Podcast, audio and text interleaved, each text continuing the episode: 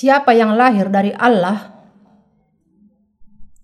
1 Yohanes 5 ayat 4 sampai 8 Sebab semua yang lahir dari Allah mengalahkan dunia dan inilah kemenangan yang mengalahkan dunia iman kita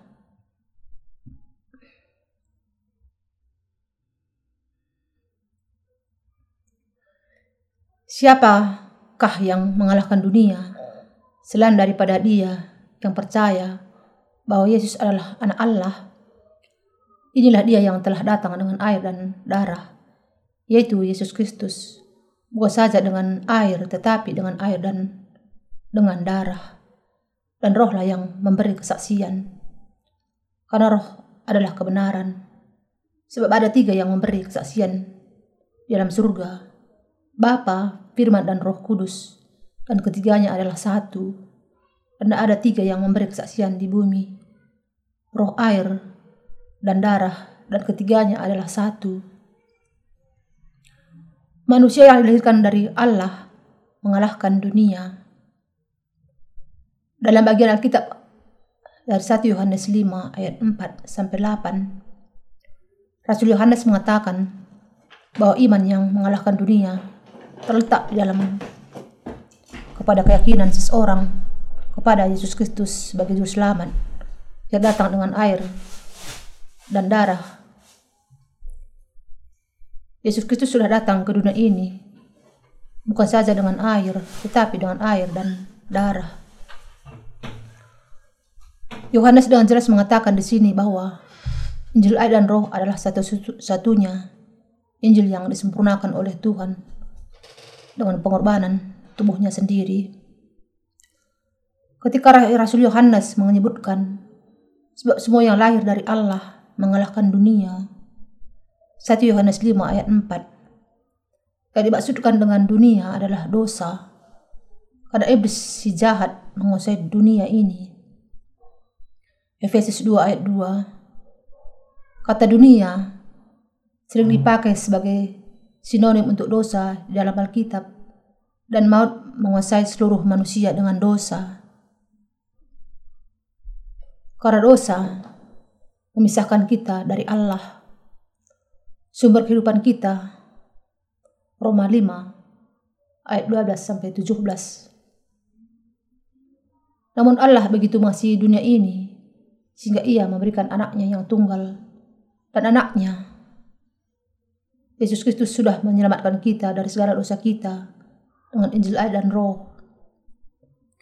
Apakah Anda percaya kepada Yesus Kristus yang datang dengan air, darah, dan sebagai Tuhan kita dan Juru Selamat Anda? Bagian Alkitab, inilah dia yang telah datang dengan air dan darah, yaitu Yesus Kristus Berarti bahwa melalui ia menerima baptisan dan Yohanes Pembaptis dan mencurahkan darahnya di kayu salib. Yesus Kristus sudah memberikan pengampunan dosa kepada kita.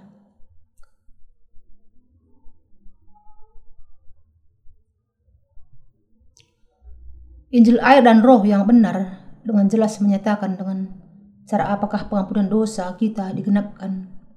Keselamatan yang kita terima digenapkan melalui datangnya Yesus ke dunia ini dalam rupa manusia.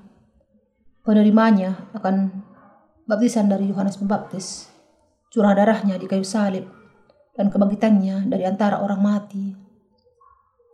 Di sini air menunjuk kepada baptisan yang diterima Yesus dari Yohanes Pembaptis. Matius 3 ayat 15. 1 Petrus 3 ayat 21 dan karena upah dosa adalah maut. Yesus yang menanggung menanggung ke atas dirinya sudah menerima penghukuman atas segala dosa dunia. Jadi ia dipakukan ke kayu salib, mencurahkan darahnya sampai mati. Karena itu, mengatakan Yesus datang ke datang dengan darah, kemudian menunjuk kepada karyanya, membayar karena semua hutang dosa kita dengan curahan darahnya di kayu salib.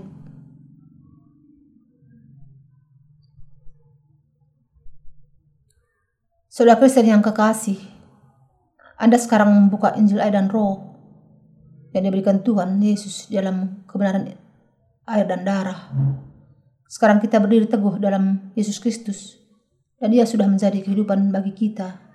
Semua melalui air dan darah. Kita harus mendengarkan kepada firman kebenaran yang adalah kehidupan itu sendiri melalui Injil air dan roh. 1 Yohanes 5 ayat 6 menegaskan dan rohlah yang memberikan kesaksian karena roh adalah kebenaran. Di sini roh menunjuk kepada Allah Tritunggal yaitu Allah Bapa, Allah Anak dan Roh Kudus. Allah Bapa sudah merencanakan keselamatan kita. Allah Anak sudah melaksanakan rencana itu melalui air dan darah. Dan Roh Kudus menjamin kebenaran dalam keselamatan dari Allah.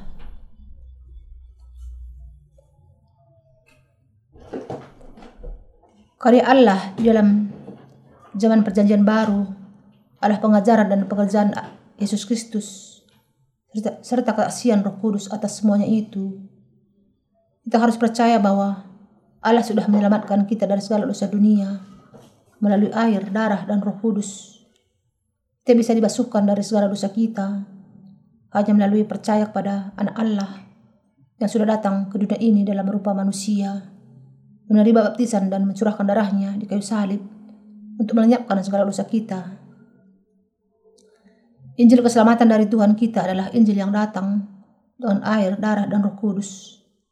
Karena itu, ketika kita menyebut Yesus Kristus Tuhan kita, kita sedang mengatakan bahwa Engkaulah Allah dan Selamatku, dan menyelamatkan aku dari segala dosa. Ketika kita membagikan dan mendengar kepada kebenaran Injil dan Roh dengan Alkitab yang terbuka, kita harus menegaskan bahwa kitab suci bersama, memikirkannya bersama-sama, dan saling berbagi simpati dengan satu iman. Khotbah yang hanya diberitakan dengan berkat dunia saja tidak akan bisa benar.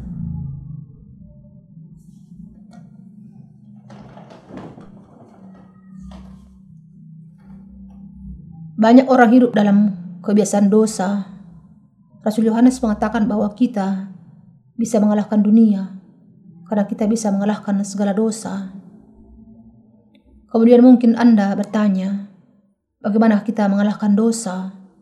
Kita bisa mengalahkan dosa karena segala dosa sudah dihapuskan dari kehidupan kita dalam iman kepada Injil air dan roh pendekatan iman kita kepada firman Injil air, dan roh pada dasarnya sangat berbeda dengan mereka yang mengatakan kalau mereka sudah mengalahkan dosa dengan tidak melakukannya lagi. Karena itu, Anda harus memahami bahwa saya tidak mengatakan kalau orang-orang yang percaya kepada firman Injil air dan roh tidak pernah lagi melakukan dosa dalam kehidupan mereka. Kita mengalahkan dosa-dosa karena kita percaya kepada Tuhan kita yang sudah melenyapkan segala dosa kita dan kebenaran Injil air dan roh karena kita sudah dibersihkan dari segala dosa kita. Melalui iman kita kepada firman Injil air dan roh. Kita bisa menghindar dari segala kutuk seturut dengan iman yang sama. Karena kita semua manusia kita memiliki tubuh kedagingan kita. Itulah sebabnya kita tidak bisa menghidupi kehidupan tanpa melakukan dosa sama sekali. Ketika kita ada di bawah tekanan psikologi, kebanyakan kita cenderung gampang marah kepada orang-orang di sekeliling tanpa alasan yang jelas. Kita melakukan dosa di dunia ini karena tubuh kita memang banyak kelemahan.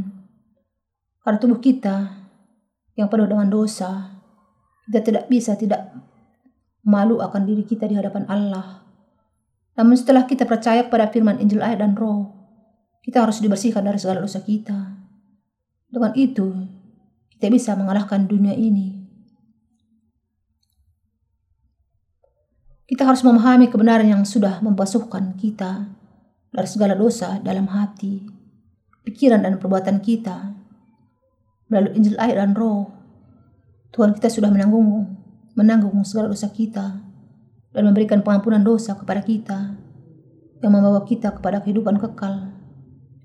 Sementara kita hidup dalam dunia ini, kita harus percaya kepada Injil air dan roh yang adalah kebenaran, pembasuh dosa, kemudian kita akan bisa mengalahkan dunia. Pada zaman Nuh, Allah memutuskan untuk menghukum manusia atas kejahatan mereka, namun untuk memberikan kasih karunia kebenaran kepada keluarganya atas dasar anugerah keselamatannya. Allah memerintahkan mereka untuk membangun sebuah bahtera ini untuk menunjukkan rancangannya bagi keselamatan manusia dari segala dosa mereka.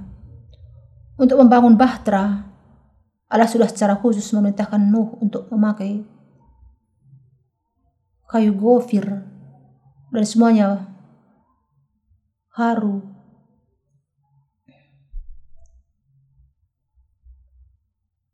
Kututup dengan pakai dari luar dan dari dalam. Kejadian 6 ayat 14. Ketika Nuh menyusun kayu gofir itu untuk menjadikannya bahtera, ada celah yang terjadi di antara papan-papan kayu itu. Sangat jelas bahwa air akan bisa masuk merembes di antara celah itu. Teramat penting untuk sebuah perahu untuk membuatnya bisa tahan air. Karena itulah ia memerintahkan agar Nuh menutup bahtera dengan pakal dari luar dan dari dalam. Tutup yang dibuat oleh Nuh atas bahtera itu adalah gambaran untuk kebenaran pembebasan dari dosa yang diberikan Tuhan kepada kita melalui firman Injil ayat dan roh. Kita melakukan dosa dari dalam dan dari luar, dalam hati dan juga dengan tubuh kita Sebagaimana Nuh menutup dengan pakal dari dalam dan dari luar, kita juga harus dibasuh dari dalam dan dari luar dengan iman kita kepada firman Injil air dan roh. Karena itu, kalau kita mau menerima pengampunan dosa yang sempurna, kita harus percaya kepada Injil air dan air dan roh. Pakal rohani yang diberikan Allah kepada kita hari ini adalah kebenaran Injil air dan roh Sebagaimana yang saya jelaskan sebelumnya, kita melakukan dosa di hadapan Allah sejak hari kelahiran sampai nafas terakhir hidup kita.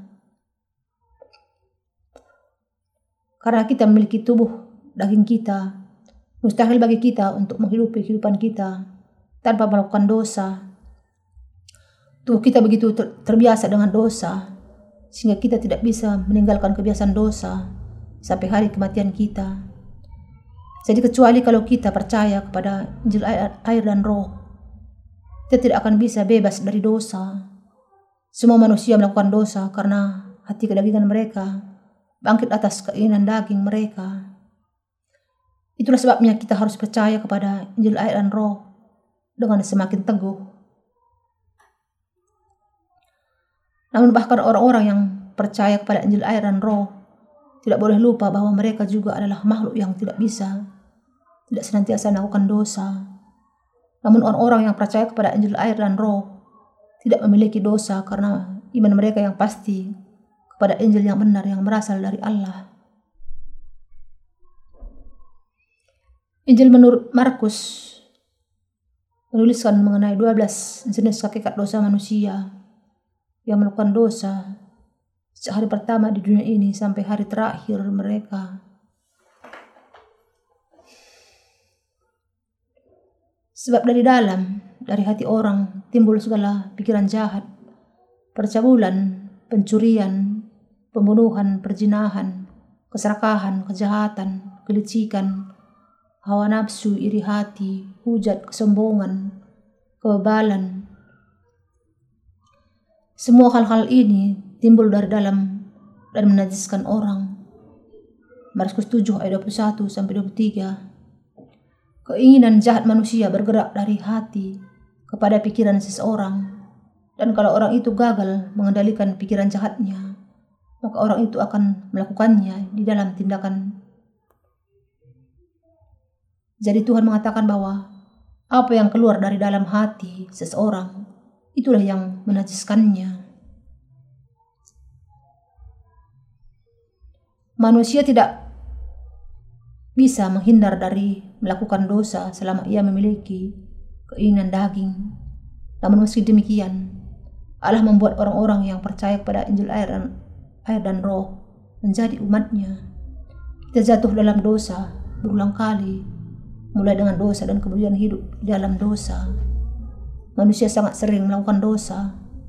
Ada banyak orang yang melakukan berbagai macam dosa yang jenisnya lebih dari 12 macam dalam sehari. Sementara berusaha untuk menggenapi keinginan daging mereka ada ada orang-orang lain yang untuk sesaat hanya melakukan dosa di dalam hatinya. 12 macam dosa itu. Dan kemudian dalam beberapa bulan sungguh-sungguh melakukan semua jenis dosa itu. Namun bagi beberapa orang, bahkan yang sudah mengakui Yesus sebagai juru selamat mereka, hidup setiap hari dalam kehidupan yang diselimuti dengan dosa. Meski kenyataannya kita hidup dalam dosa, kita bisa dibasuhkan dari segala dosa itu dengan percaya kepada Injil air dan roh yang diberikan oleh Tuhan. Kita bisa dibasuhkan dari segala dosa kita sekaligus kita bisa dibebaskan dari segala dosa dunia kita dan percaya kepada Yesus Kristus yang adalah tokoh utama dalam Injil air dan roh. Juru selamat kita.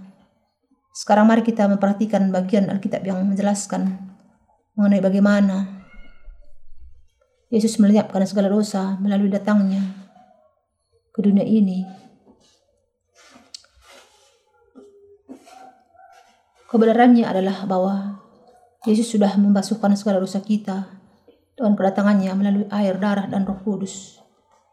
Adalah Injil air dan roh yang memiliki kuasa pengampunan dosa adalah karena Yesus Kristus sudah mengetahui sungguh-sungguh mengenai kelemahan kita sehingga ia sudah menghapuskan segala dosa dan menjadikan kita sebagai umatnya. Karena itu, bukannya mencoba untuk menyembunyikan dosa-dosa Anda, Anda harus terlebih dahulu mengaku dosa-dosa Anda di hadapan Allah. Kemudian ikutilah Injil air dan roh. Anda akan menemukan kebenaran yang akan selamanya memberikan pengampunan dosa Anda. Kalau saja Anda mau percaya kepada firman Injil air dan roh. Kalau kita siap untuk menyatakan segala dosa yang kita lakukan dalam kelemahan kita dan percaya kepada firman Injil air dan roh, kita akan menerima pengampunan dosa. Lebih lagi, kita akan diberi kehidupan yang baru dan diberi kuasa rohani Baptisan Yesus Kristus oleh Yohanes Pembaptis tertulis dalam Alkitab sebagai kebenaran yang menyelamatkan kita dari segala dosa kita. Mari kita memperhatikan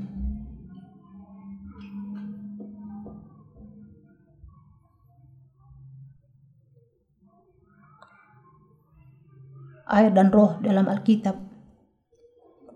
Sudahkah Yesus menanggung segala dosa dunia melalui baptisan dari Yohanes Pembaptis?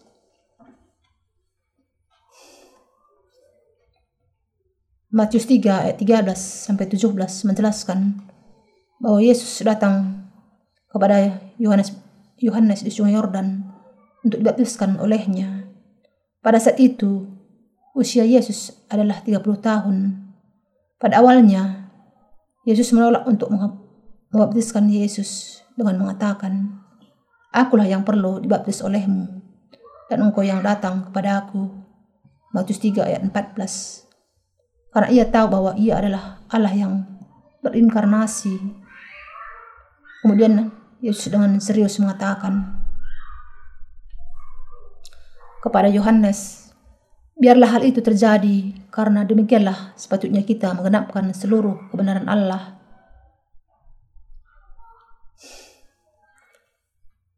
Yesus harus menggenapkan seluruh kebenaran Allah dengan menerima baptisan dari Yohanes Pembaptis dengan cara penumpangan tangan.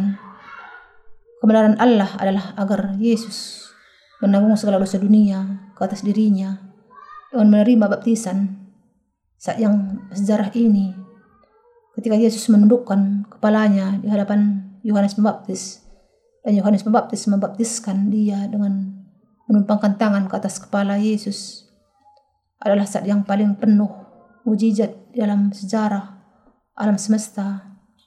Yesus menerima baptisan dari Yohanes Pembaptis karena itulah satu-satunya cara di mana melaluinya keberadaan Allah digenapkan.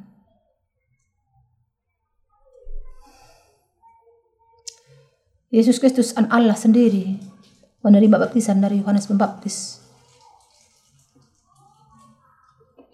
supaya segala dosa dunia ditanggungkan kepadanya sekali untuk selamanya. Karena itu, Yesus menerima baptisan yang dilakukan oleh Yohanes Pembaptis dan sebagaimana tertulis, sebab upah dosa adalah maut. Roma 6 ayat 23. Yesus disalibkan mencurahkan darahnya yang mahal di kayu salib sehingga ia bisa membayar menggantikan kita akan segala dosa kita. Peristiwa ini adalah kebenaran pengampunan dosa kekal yang kita sebut Injil air dan roh. Penerimaan Yesus akan baptisan dan Yohanes membaptis dan darahnya di kayu salib merupakan saat yang paling besar di dalam keselamatan kita. Setelah Yesus menerima baptisan dari Yohanes Pembaptis, ia keluar dari dalam air dan surga terbuka kepada Yesus dan ia melihat Allah turun seperti burung merpati ke atasnya dan tiba-tiba terdengarlah suara dari surga yang mengatakan inilah anakku yang kukasihi kepadanya aku berkenan. Matius 3 ayat 17 Baptisan Yesus jelas sekali merupakan cara yang benar untuk menanggungkan segala dosa dunia ke atas dirinya. Kita harus menyelidiki bagian Alkitab di Perjanjian Lama untuk bisa memahami betapa pentingnya Yesus menerima baptisan dari Yohanes Pembaptis. Allah sudah menetapkan tata cara kurban supaya semua manusia di zaman Perjanjian Lama bisa mempersembahkan kurban di dalam kemah suci. Mereka dengan kata lain harus melalui tata cara korban untuk bisa menyelesaikan masalah dosa dalam hubungan mereka dengan Allah. Dengan demikian, manusia di zaman perjanjian lama bisa berdamai dengan Allah lagi melalui korban penghapus dosa yang diberikan dengan penumpangan tangan dan darah binatang kurban. Allah sudah menuntut adanya domba atau kambing yang, yang tak bercacat untuk tujuan pengorbanan bagi dosa-dosa mereka. Dengan penumpangan tangan dari Yohanes Pembaptis, segala dosa manusia ditanggungkan kepada Yesus. Imamat, saat, Imamat 4 ayat 1 sampai 4 mengatakan, Tuhan berfirman kepada Musa, katakanlah kepada orang Israel, apabila seseorang tidak dengan sengaja berbuat dosa dalam sesuatu hal yang dilarang Tuhan, dan ia memang melakukan salah satu daripadanya, maka jikalau yang berbuat dosa itu imam yang diurapi sehingga bangsanya turut bersalah, haruslah ia mempersembahkan kepada Tuhan karena dosa yang telah diperbuatnya itu seekor lembu jantan muda yang tidak bercela sebagai korban penghapus dosa. Ia harus membawa lembu itu ke pintu kemah pertemuan di hadapan Tuhan.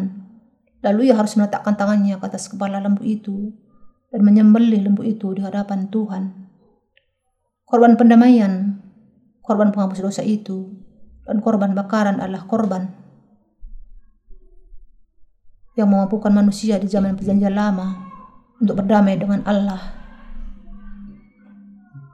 Di dalam Imamat 4 ayat 27 sampai 31 ada contoh yang nyata mengenai korban penghapus dosa. Jikalau yang berbuat dosa dengan tak sengaja itu seorang dari rakyat jelata dan ia melakukan salah satu hal yang dilarang Tuhan sehingga ia bersalah maka jika dosa yang telah dibuatnya itu diberitakannya kepadanya haruslah ia membawa sebagai persembahannya karena dosa yang telah diperbuatnya itu seekor kambing betina yang tidak bercela Lalu haruslah ia meletakkan tangannya ke atas kepala korban penghapus dosa dan menyembelih korban itu tempat korban bakaran. Kemudian imam harus mengambil dengan jarinya sedikit dari darah korban itu, lalu membubuhnya pada tanduk-tanduk mesbah korban bakaran. Semua darah selebihnya haruslah dicurahkannya kepada bagian bawah mesbah. Tetapi segala lemak haruslah dipisahkannya, seperti juga lemak korban keselamatan dipisahkan, lalu haruslah dibakar oleh imam di atas mesbah menjadi bau yang menyenangkan bagi Tuhan. Dengan demikian, imam mengadakan perdamaian bagi orang itu sehingga ia menerima pengampunan dosa.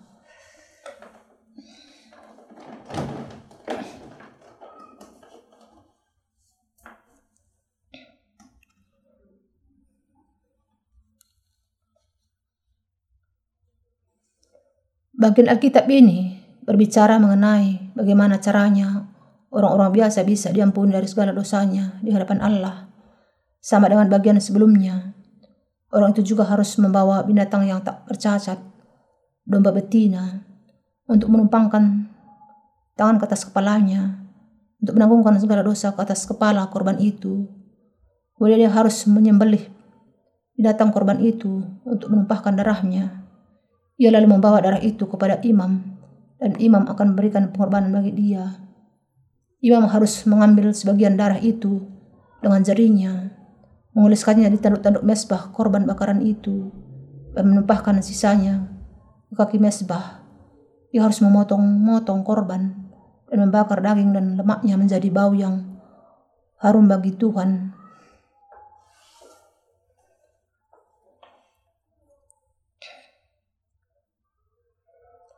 Dengan melakukan hal itu,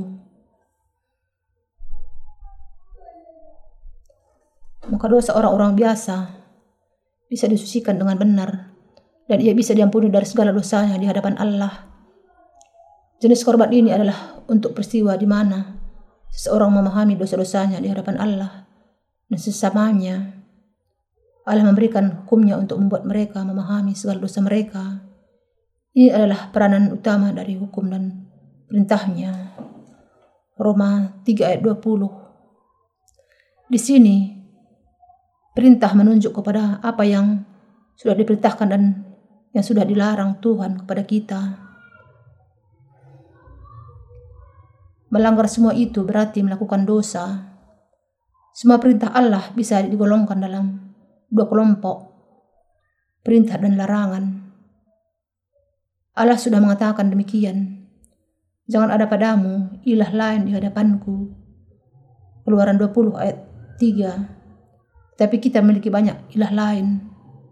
Dalam hal di negara saya, Korea, ada banyak agama dan ilah. Ditambah lagi banyak orang yang melayani roh leluhur mereka dalam waktu yang lama.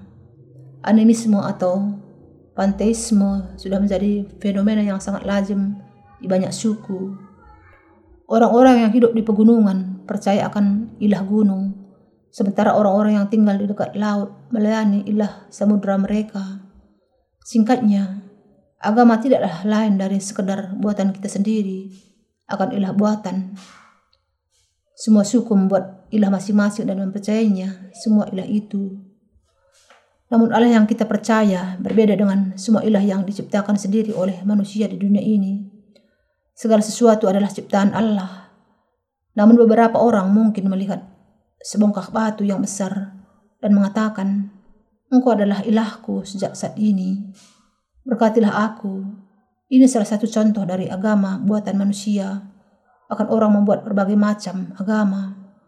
Mempraktekkan agama palsu adalah pelanggaran terhadap hukum Allah yang pertama. Kalau kita berbicara mengenai penyembahan berhala, ada banyak kisah yang bisa diceritakan. Anak muda zaman ini tergila-gila kepada penyanyi terkenal. Bahkan kalau melihat sebersit saja penyanyi itu, mereka akan berteriak dan berseru. Sangat bisa dipahami bahwa orang-orang muda di masa remaja mereka merasakan kesukaan yang besar akan sesuatu atau seseorang. Sebagaimana yang pernah kita alami juga, mungkin itu fenomena yang wajar. Namun masalahnya adalah bahwa orang-orang muda yang seharusnya memiliki ketertarikan dan kerinduan yang besar akan Allah justru berteriak kepada para penyanyi itu. Fenomena apa lagi itu kalau bukan penyembahan berhala?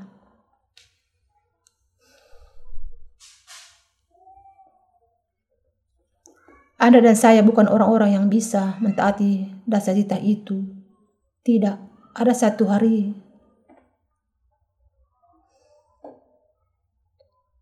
satu hari pun di mana kita bisa dengan sempurna mentaati seluruh dasar cita itu. Seorang tidak bisa menjalani satu hari pun tanpa melanggar perintah yang ada. Dan kalaupun seseorang entah bagaimana bisa mentaati 99,9% dari perintah itu di sepanjang kehidupannya. Kalau orang itu melanggar 0,1% saja dari seluruh perintah yang ada, jumlah itu sama dengan ia melanggar seluruh 100% dari perintah yang ada. Kita adalah manusia yang melakukan dosa sejak kita keluar dari rahim ibu kita. Itulah sebabnya Anda adalah orang-orang berdosa dalam Allah setelah Daud mengambil Betseba, istri Uria, ia kemudian melakukan pembunuhan di hadapan Allah dengan kata lain. Daud sudah melakukan perjinahan dan dalam usaha untuk menyembunyikan kenyataan ini, Daud mengirim suami Betseba ke medan perang secara tidak langsung membunuhnya. Karena ia mengambil istri orang lain, ia juga melakukan dosa pencurian dan karena Daud sangat menyukai Betseba sampai bisa mengirim suaminya untuk mati. Ia juga melakukan pembunuhan. Dan Daud masih berusaha untuk merustai Allah dan hamba-hambanya. Kita bisa mengatakan bahwa Daud sudah melanggar seluruh isi data titah itu. Rasul Yakobus mengatakan, sebab barang siapa menuruti seluruh hukum itu, tetapi mengabaikan satu bagian daripadanya, ia bersalah terhadap seluruhnya. Yakobus 2 ayat 10. Dalam kitab Galatia, Rasul Paulus mengatakan, Terkutuklah orang yang tidak setia melakukan segala sesuatu yang tertulis di dalam kitab hukum Taurat. Galatia 3 ayat 10. Dengan demikian, Alkitab mengatakan bahwa semua orang tanpa kecuali sudah melakukan dosa kepada Allah.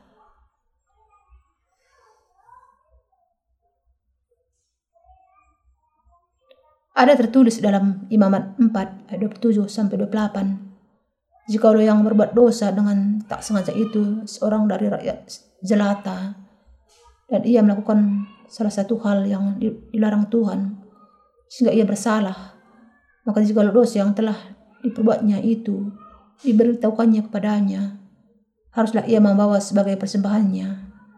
Karena dosa yang telah diperbuatnya itu, seekor kambing betina yang tidak bercela. Orang-orang Israel juga melakukan dosa tanpa sengaja. Pada awalnya mereka bahkan tidak tahu apa yang mereka lakukan. Tapi cepat atau lambat, mereka kemudian memahami di hadapan Taurat Allah bahwa mereka sudah melakukan dosa di hadapan Allah. Kemudian mereka harus memberikan korban penghapus dosa kepada Allah. Orang berdosa itu harus mempersembahkan seekor domba atau kambing karena dosanya. Di dalam korban ini sangat penting bagi dia untuk menumpangkan tangan ke atas kepala binatang kurban dan menyembelihnya untuk menumpahkan darahnya. Ia lalu menyerahkan darah itu kepada imam yang bertugas. Allah sudah mempersiapkan metode ini untuk membasuhkan dan membebaskan orang-orang berdosa dari segala dosa mereka melalui korban penghapus dosa. Lalu haruslah ia meletakkan tangannya ke atas kepala korban penghapus dosa dan menyembelih korban ini di tempat korban bakaran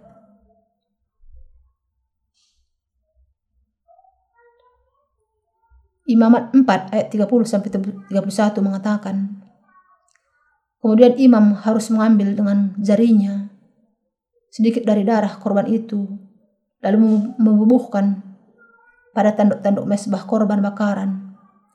Semua darah selebihnya haruslah dicurahkannya kepada bagian bawah mesbah. Tetapi segala lemak haruslah dipisahkannya. Seperti juga lemak korban keselamatan dipisahkan lalu haruslah dibakar oleh imam di atas mesbah menjadi bau yang menyenangkan bagi Tuhan. Dengan demikian, imam mengadakan pendamaian bagi orang itu sehingga ia menerima pengampunan, baik korban pendamaian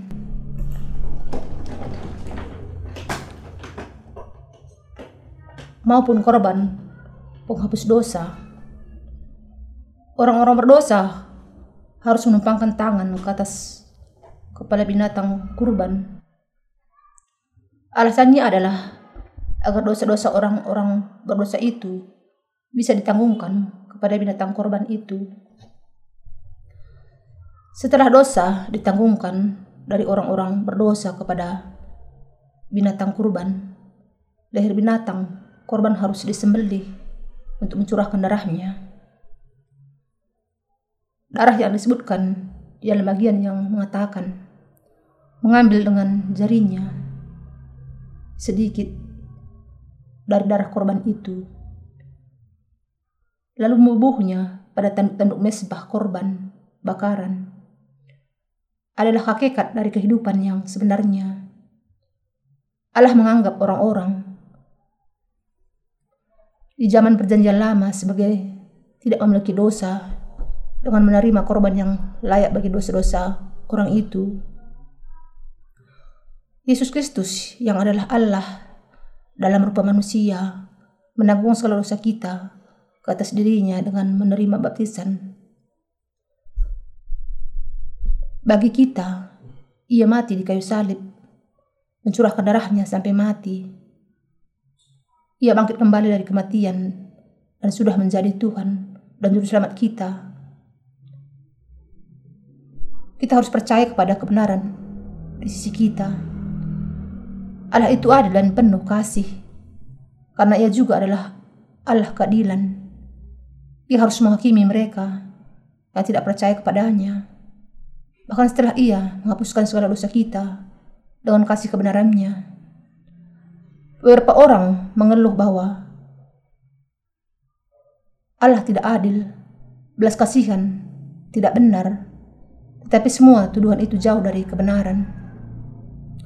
Allah kita adalah juru selamat yang adil, sebagaimana yang dijanjikan dalam tata cara korban. Allah Bapa sudah mempersiapkan Yesus Kristus sebagai korban kekal untuk melenyapkan segala dosa kita. Sekali untuk selamanya. Dengan menerima baptisan, Yesus menanggungkan ke atas dirinya segala dosa kita dan Allah Bapa menyerahkan anaknya di kayu salib sehingga Yesus bisa mati mencurahkan darahnya sebagai korban di sana. Melalui kebangkitan Yesus dari kematian, sekarang semua orang yang percaya kepada kebenaran ini bisa menerima pengampunan dosa dan kehidupan yang baru sekarang ini. Allah membasuhkan segala dosa kita melalui baptisan yang diterima. Yesus anak domba Allah dan darahnya di kayu salib. Allah sudah menghapuskan segala dosa kita melalui sebuah cara yang adil dan orang-orang yang percaya kepada kebenaran itu bisa dibebaskan dari segala dosa dunia melalui dia Allah yang benar dan adil. Berkembangnya Hutang melalui kartu kredit mungkin menjadi masalah umum yang muncul di setiap masyarakat. Ini akan meningkatkan jumlah orang-orang yang, bunuh diri. Menerima laporan kredit yang buruk dan bersembunyi karena dikejar hutang saudaranya.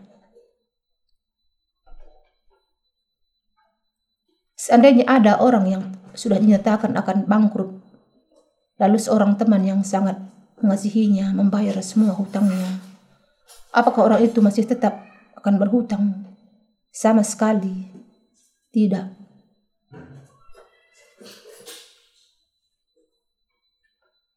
Demikian juga Tuhan kita melalui penerimaannya akan baptisan dan darahnya yang mahal di kayu salib sudah membayar semua hutang dosa kita sekali untuk selamanya. Tuhan kita sudah sepenuhnya membasuhkan kita dari segala dosa kita melalui Injil ayat dan roh. Manusia seharusnya dihakimi atas segala dosanya. Namun Allah Bapa mengutus Tuhan Yesus membuat dia menjadi korban menggantikan kita dengan menerima baptisan dan mencurahkan darahnya yang mahal di kayu salib. Yesus sudah menyiapkan segala dosa dunia sekaligus dan menjadikan kita anak-anak Allah.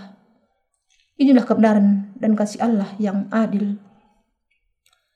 Di hari raya pendamaian, imam besar harus menumpangkan tangan ke atas kepala binat, kepala kambing, lepasan dan membunuhnya untuk mencurahkan darahnya. Imamat 16. Dengan cara itu, tujuan dari korban dalam perjanjian lama adalah untuk menanggungkan segala dosa seseorang kepada binatang korban dengan cara menumpangkan tangan dan dicurahkannya darah korban yang dipersembahkan kepada Allah untuk membasuhkan dosa seseorang. Namun tata cara korban ini sendiri tidak salah. Sendiri adalah salah satu bagian dari hukum Taurat yang memiliki kuasa atas bangsa Israel sampai Yesus menghadapkannya. Karena itu, semua itu hanyalah gambaran akan hal-hal yang akan datang, yaitu pengorbanan yang kekal dan sempurna dari Yesus Kristus. Ibrani 10 ayat 1 Mari menguji kembali Injil kebenaran yang menghapuskan segala dosa kita. Sejauh ini, kita sudah melihat kepada tata cara korban dalam perjanjian lama. Sekarang mari kita melihat korban kekal dari Yesus di dalam perjanjian baru. Matius 3 ayat 13 sampai 17 menegaskan. Maka datanglah Yesus dari Galilea ke Yordan kepada Yohanes untuk dibaptis olehnya. Tetapi Yohanes mencegah dia katanya, Akulah yang perlu dibaptis olehmu, dan engkau yang datang kepada aku. Lalu Yesus menjawab, katanya kepadanya, Biarlah hal ini terjadi, karena demikianlah sepatutnya kita mengenapkan seluruh kehendak Allah. Dan Yohanes pun menurutinya. Sesudah dibaptis, Yesus segera keluar dari air dan pada waktu itu juga langit terbuka dan ia melihat roh Allah seperti burung merpati turun ke atasnya. Lalu terdengarlah suara dari sorga yang mengatakan, Inilah anakku yang kukasihi, kepadanya lah aku berkenan. Yesus yang menerima baptisan dari Yohanes Pembaptis adalah anak Allah untuk membebaskan semua manusia dari segala dosanya. Yesus anak Allah taat kepada Bapaknya dengan baptiskan sehingga kehendak Bapaknya akan digenapi. Mengapa, mengapa Yesus menerima baptisan dari seorang manusia, Yohanes Pembaptis? Alasannya terjadi karena demikianlah sepatutnya kita menggenapkan seluruh kebenaran Allah. Di sini, untuk menggenapkan kebenaran, menunjuk kepada penggenapan akan kasih Allah kepada orang-orang berdosa, untuk membebaskan semua orang berdosa dari segala dosa mereka, Yesus datang ke dunia ini sebagai anak domba Allah dan menerima baptisan dari Yohanes Pembaptis. Melalui baptisan, Yesus menanggung segala dosa dunia ke atas dirinya dengan menerima baptisan dari Yohanes Pembaptis di Sungai Yordan. Yesus sebagai anak domba Allah menanggungkan ke atas dirinya segala dosa manusia. Kemudian Yesus harus mencurahkan darahnya yang mahal untuk membayar semua utang dosa yang sudah ditanggungnya melalui baptisan itu. Inilah sebabnya ia harus menang menerima baptisan. Kebenaran ini sangat berkaitan dengan bagian Alkitab hari ini dari 1 Yohanes Pembaptis 5 ayat 6 yang mengatakan, Inilah dia yang telah datang dengan air dan darah, yaitu Yesus Kristus. Bukan saja dengan air, tetapi dengan air dan dengan darah. Dan rohlah yang memberi kesaksian, karena roh adalah kebenaran. Yesus memang sudah menjadi juru selamat dengan datang ke dunia ini dalam air, darah, dan roh kudus. Yesus sudah menyelamatkan kita dengan sempurna dan menjadikan kita bebas dari segala dosa dunia. Ia sudah memberikan kebenaran Allah kepada kita yang memampukan kita untuk mengalahkan dunia. Dengan demikian, sumber dari kebenaran ini bisa ditemukan dalam perjanjian lama dan juga perjanjian baru.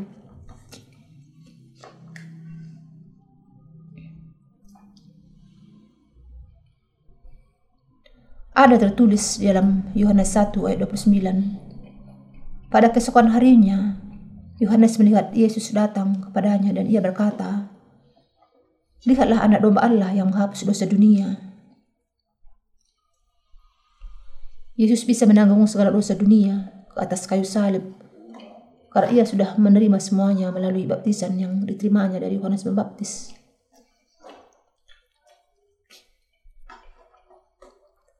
Mengatakan bahwa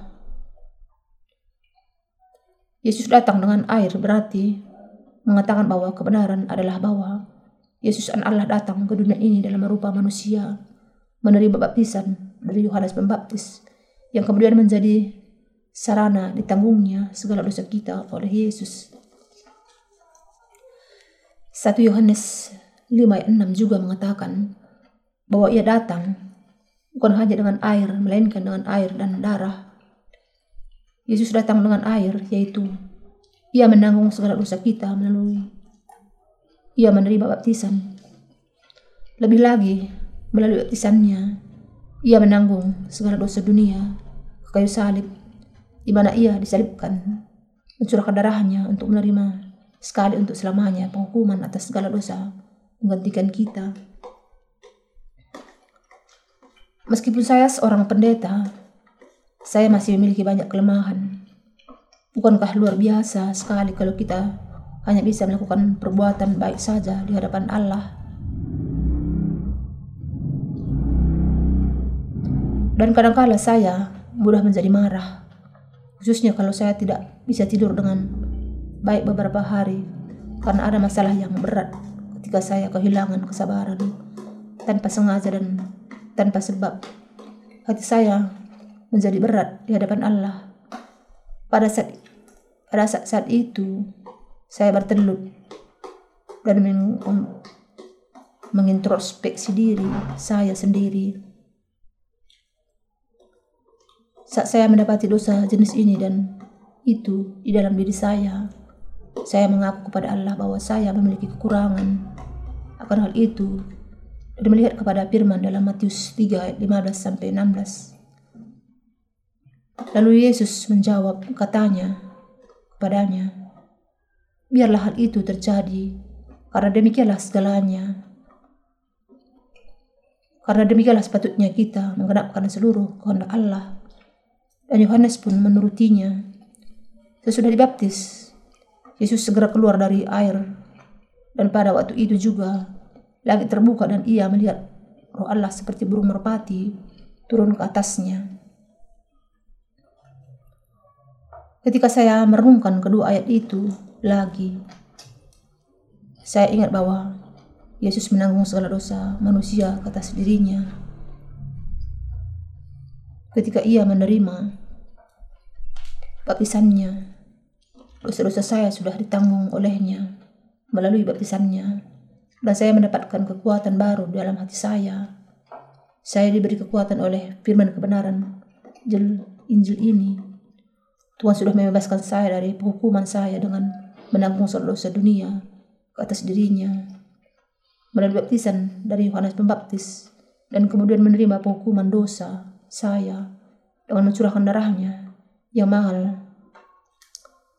Tindakan kebenaran Yesus bukan hanya untuk saya tetapi juga untuk Anda. Tidak peduli bagaimanapun kelemahan kita dalam iman kita kepada firman Injil dan roh, hati kita dibasuhkan dengan iman yang sama. Baptisan yang diterima Yesus dari Yohanes Pembaptis cukup untuk memindahkan segala dosa dunia kepada Yesus. Dengan menerima baptisan dari Yohanes Pembaptis, Yesus menanggungkan kepada dirinya segala dosa manusia. Jadi Yesus juga menanggung segala dosa Anda dan saya kepada dirinya juga.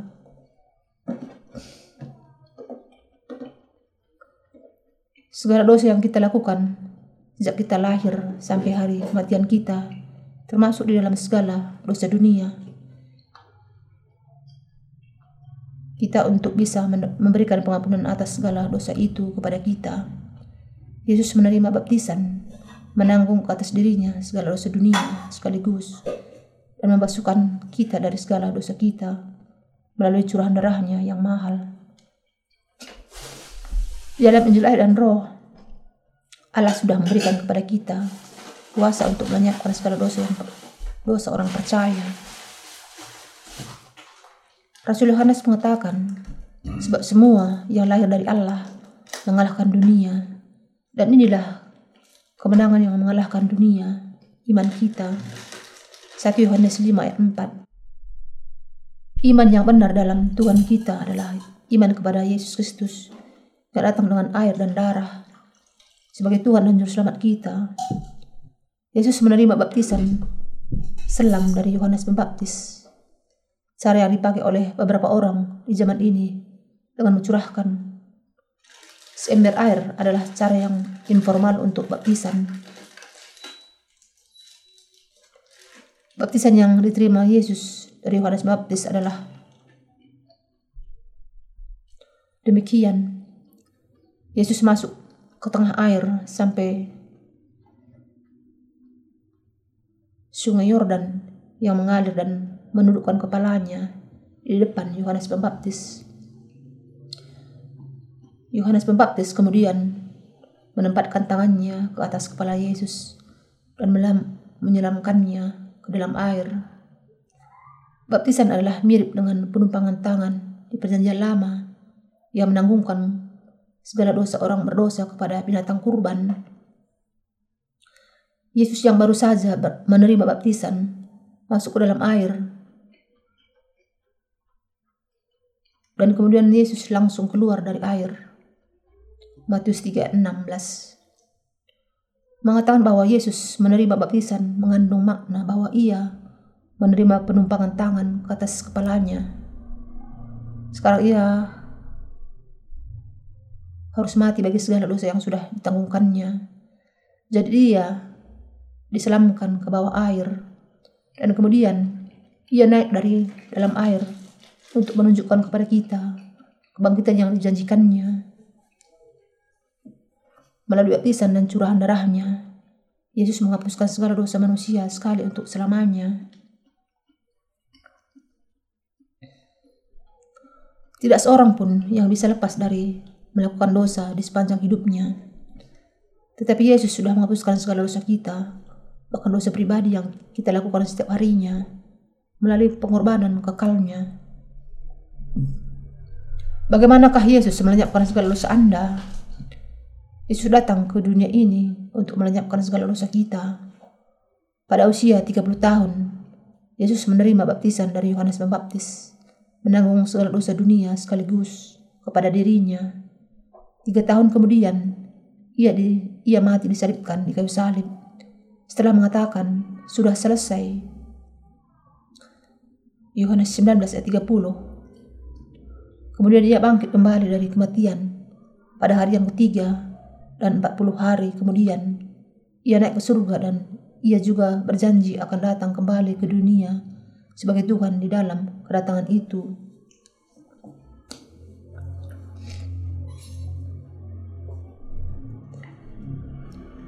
Yesus adalah an Allah dan pada dasarnya adalah Allah sendiri bagi kita. Yesus menanggung segala dosa kita dengan datang ke dunia ini dan menerima baptisan.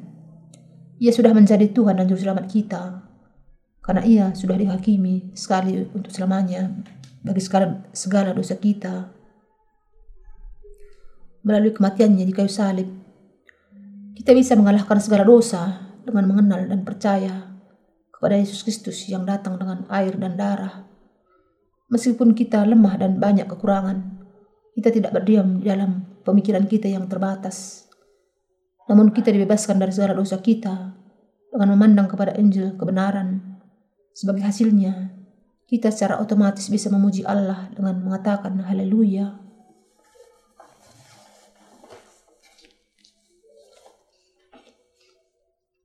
Kita bisa menghadap Allah tanpa rasa malu karena kita percaya kepada Injil dan Roh. Saya bersyukur kepada Allah karena bisa menyembah Dia dengan hati yang tulus ikhlas dan keyakinan iman yang teguh.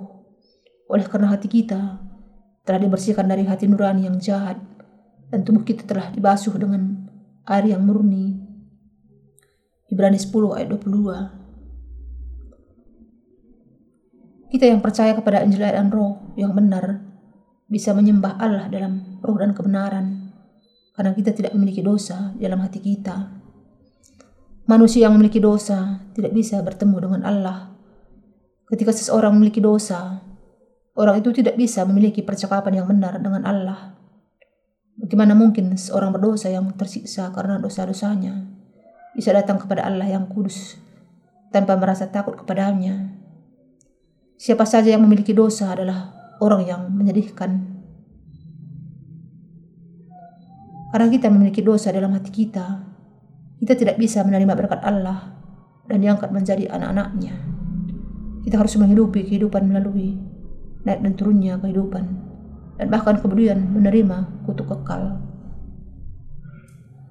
Inilah sebabnya kita harus bertemu dengan Yesus Kristus yang sudah datang dengan air dan darah kita harus mengundang Yesus yang sudah datang kepada kita dengan Injil dan Roh ke dalam hati kita dengan menerima Dia sebagai Tuhan dan Juru Selamat kita.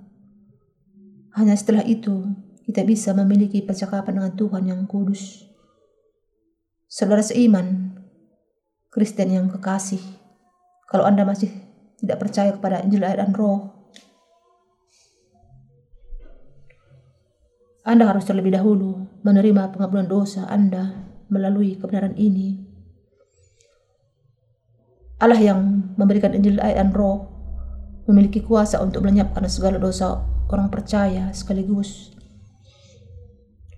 Biar bagaimanapun kelemahan kita, kita tidak terikat lagi untuk melakukan dosa karena kita akan mengalihkan dunia dengan iman kita kepada Injil air dan roh Meskipun kita melakukan dosa dalam kelemahan kita, kita masih bisa hidup dengan benar tanpa dosa dalam hati. Karena kita percaya kepada Injil yang berkuasa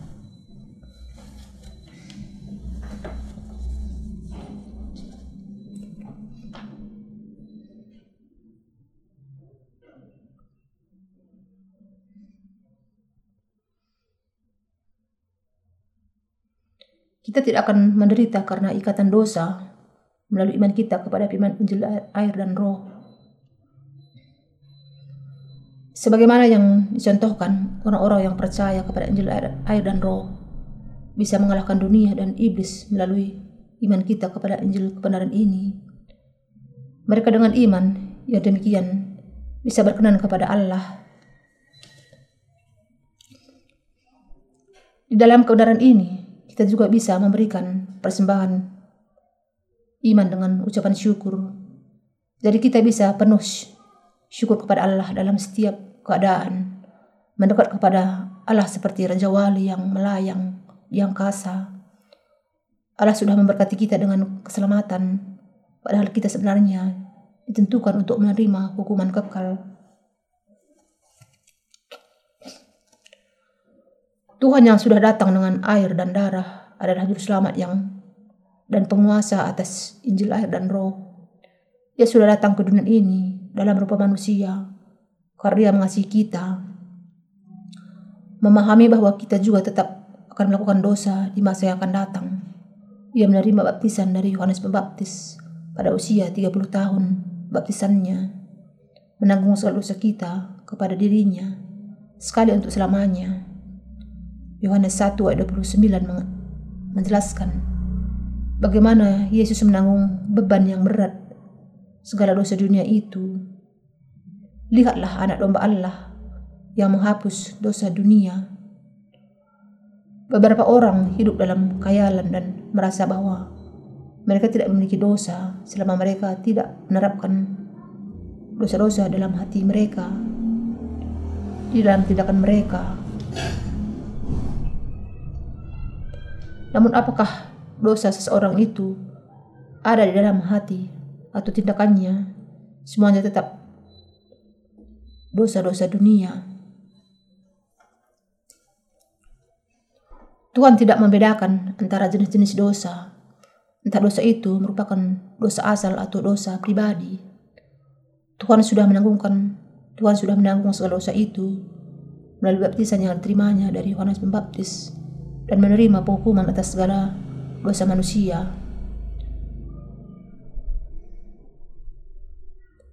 Karena Tuhan sudah menanggung segala dosa kita melalui baptisan yang diterimanya dari Yohanes.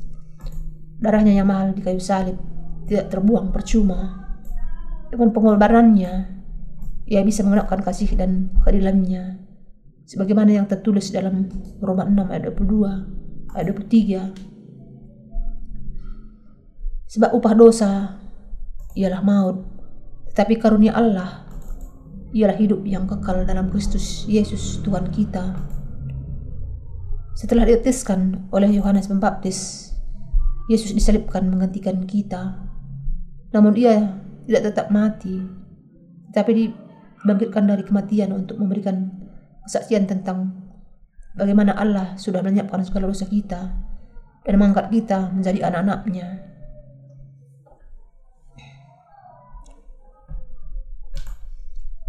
Yesus yang Allah, Yesus sang Allah yang benar adalah Raja segala Raja yang sudah menggenapkan keselamatan kita melalui Injil ayat dan roh. Yesus datang ke dunia ini dengan Injil ayat dan roh dan menyelamatkan orang berdosa.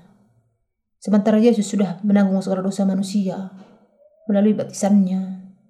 Ia diajak dan ditolak oleh manusia. Manusia yang penuh dengan kesengsaraan dan kepedihan.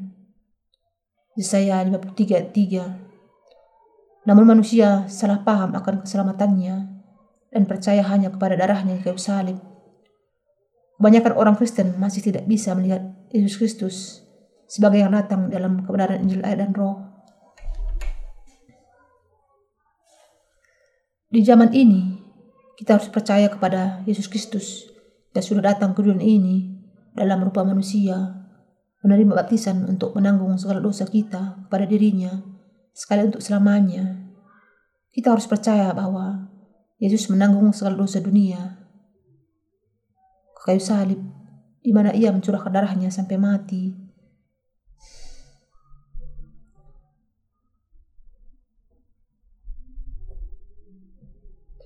Dan bahwa ia bangkit kembali dari kematian untuk menggenapkan keselamatan dari Allah sekali untuk selamanya.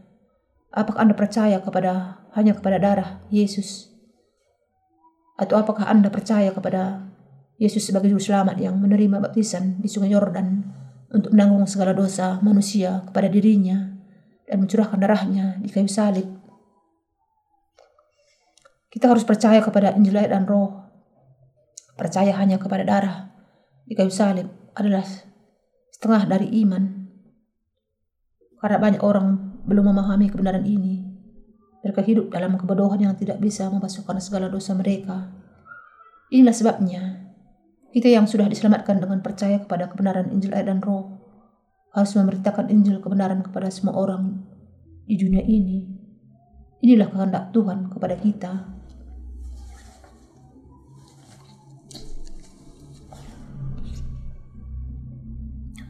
Kita harus percaya kepada Yesus bukan hanya dengan perasaan saja, tetapi dengan mengikuti firman kebenaran.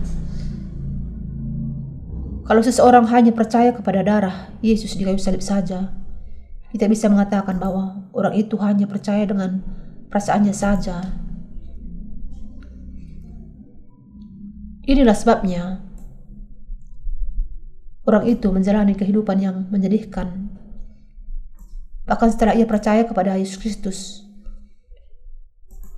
Yesus sudah memberikan kepada kita pengampunan dosa dengan datang dengan air dan darah.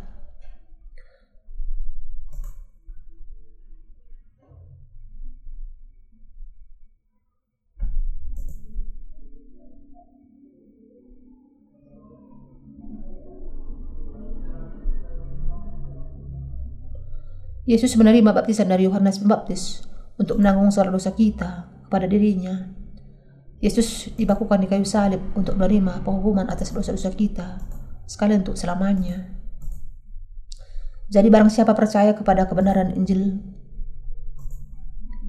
air dan roh di dalam hati, di dalam hati, memahami kebenaran keselamatan yang memberikan pengampunan dosa, orang yang jatuh ke dalam sekedar kehidupan beragama, tidak mengenal Yesus Kristus yang datang dengan air dan darah, dan akibatnya tidak percaya kepadanya dengan benar.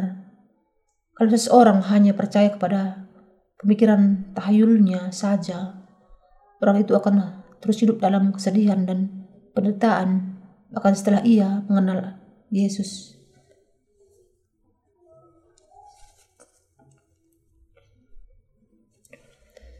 Tetapi ada orang-orang yang percaya kepada Tuhan dan Juru Selamat Yesus. Berusaha untuk mengenal kasihnya dan hidup di dalam anugerahnya yang berlimpah. Mereka tidak mau cara sengaja masuk ke dalam kesedihan dan penderitaan. Kalau Anda adalah orang yang demikian, Anda harus memahami bahwa Allah sangat mengasihi Anda dengan pengampunan dosa yang diberikan kepada Anda melalui air darah dan roh kudus. Anda juga harus memahami bahwa Allah sungguh-sungguh sudah mengangkat Anda menjadi anaknya.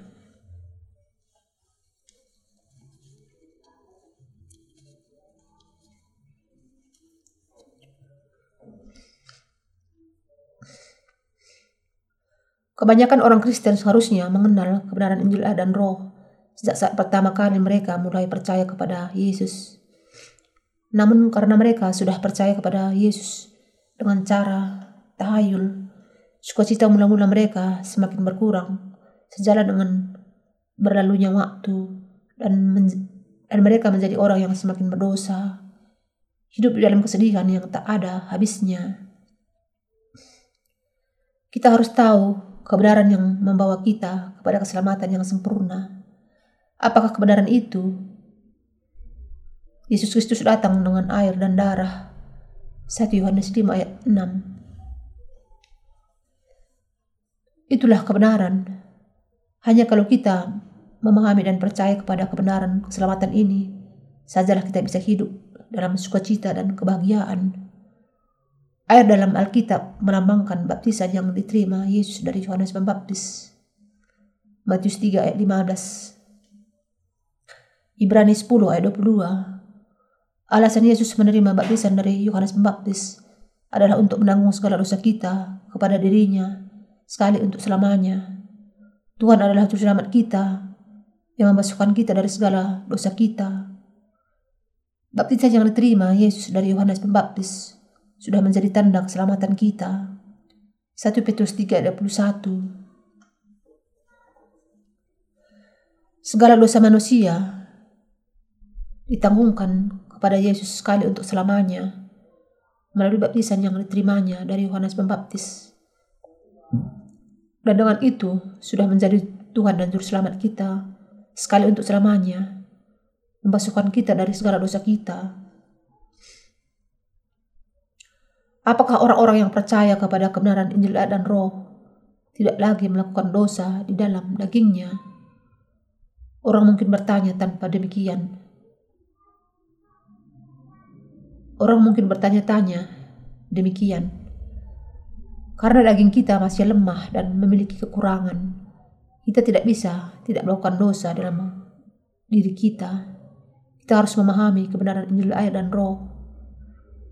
Kalau seseorang berpikir bahwa ia tidak lagi melakukan dosa karena sudah mengakui segala dosanya, ia tersesat di dalam mimpinya. Ketika kita menjalani kehidupan rutin kita, makan makanan yang biasa kita makan dan pergi ke toilet seperti biasa. Sebagai manusia biasa, kita terus melakukan dosa sejak kelahiran sampai hari kita mati. Tidak peduli bagaimanapun bagusnya seseorang menutupi dirinya, kotoran kemanusiaan masih menyusup masuk di dalam diri semua orang.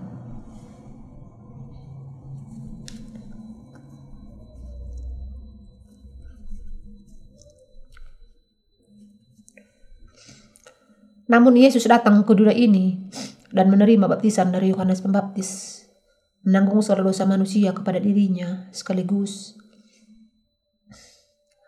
Dan Yesus sudah menjadi juru selamat yang benar untuk semua orang berdosa dengan membawa segala dosa itu ke kayu salib, di mana ia mencurahkan darahnya sampai mati, dan kemudian bangkit kembali dari kematian. Sekarang kita sudah dibasuhkan dari segala dosa kita, dari sebagai anak angkat Allah masuk ke dalam kehidupan kekal dengan percaya kepada Yesus Kristus sebagai Tuhan dan Juru Selamat kita yang datang dengan air, darah, dan roh kudus. Jadi sebagaimana yang dikatakan Allah melalui Rasul Paulus, karena dengan hati orang percaya dan dibenarkan, dan dengan mulut orang mengaku akan diselamatkan. Roma 10 ayat 10 Kayu salib tidak mengatakan bahwa Anda saya akan berhenti melakukan dosa karena kita sudah menerima pengampunan dosa. Bagaimana mungkin kita mengatakan bahwa kita tidak memiliki dosa di hadapan Allah kalau yang kita lakukan adalah dosa karena keinginan daging kita kita bisa mengakui dengan berani bahwa kita tidak berdosa melalui iman kita kepada Injil air dan roh. Dalam kenyataannya, Yesus menanggung segala dosa manusia dengan baptisannya dan melenyapkan segala dosa kita dengan menanggung hukuman menggantikan kita. Kalau kita percaya kepada hal-hal ini, jiwa kita bisa dibasuhkan. Saya bersyukur kepada Tuhan kita, Yesus Kristus,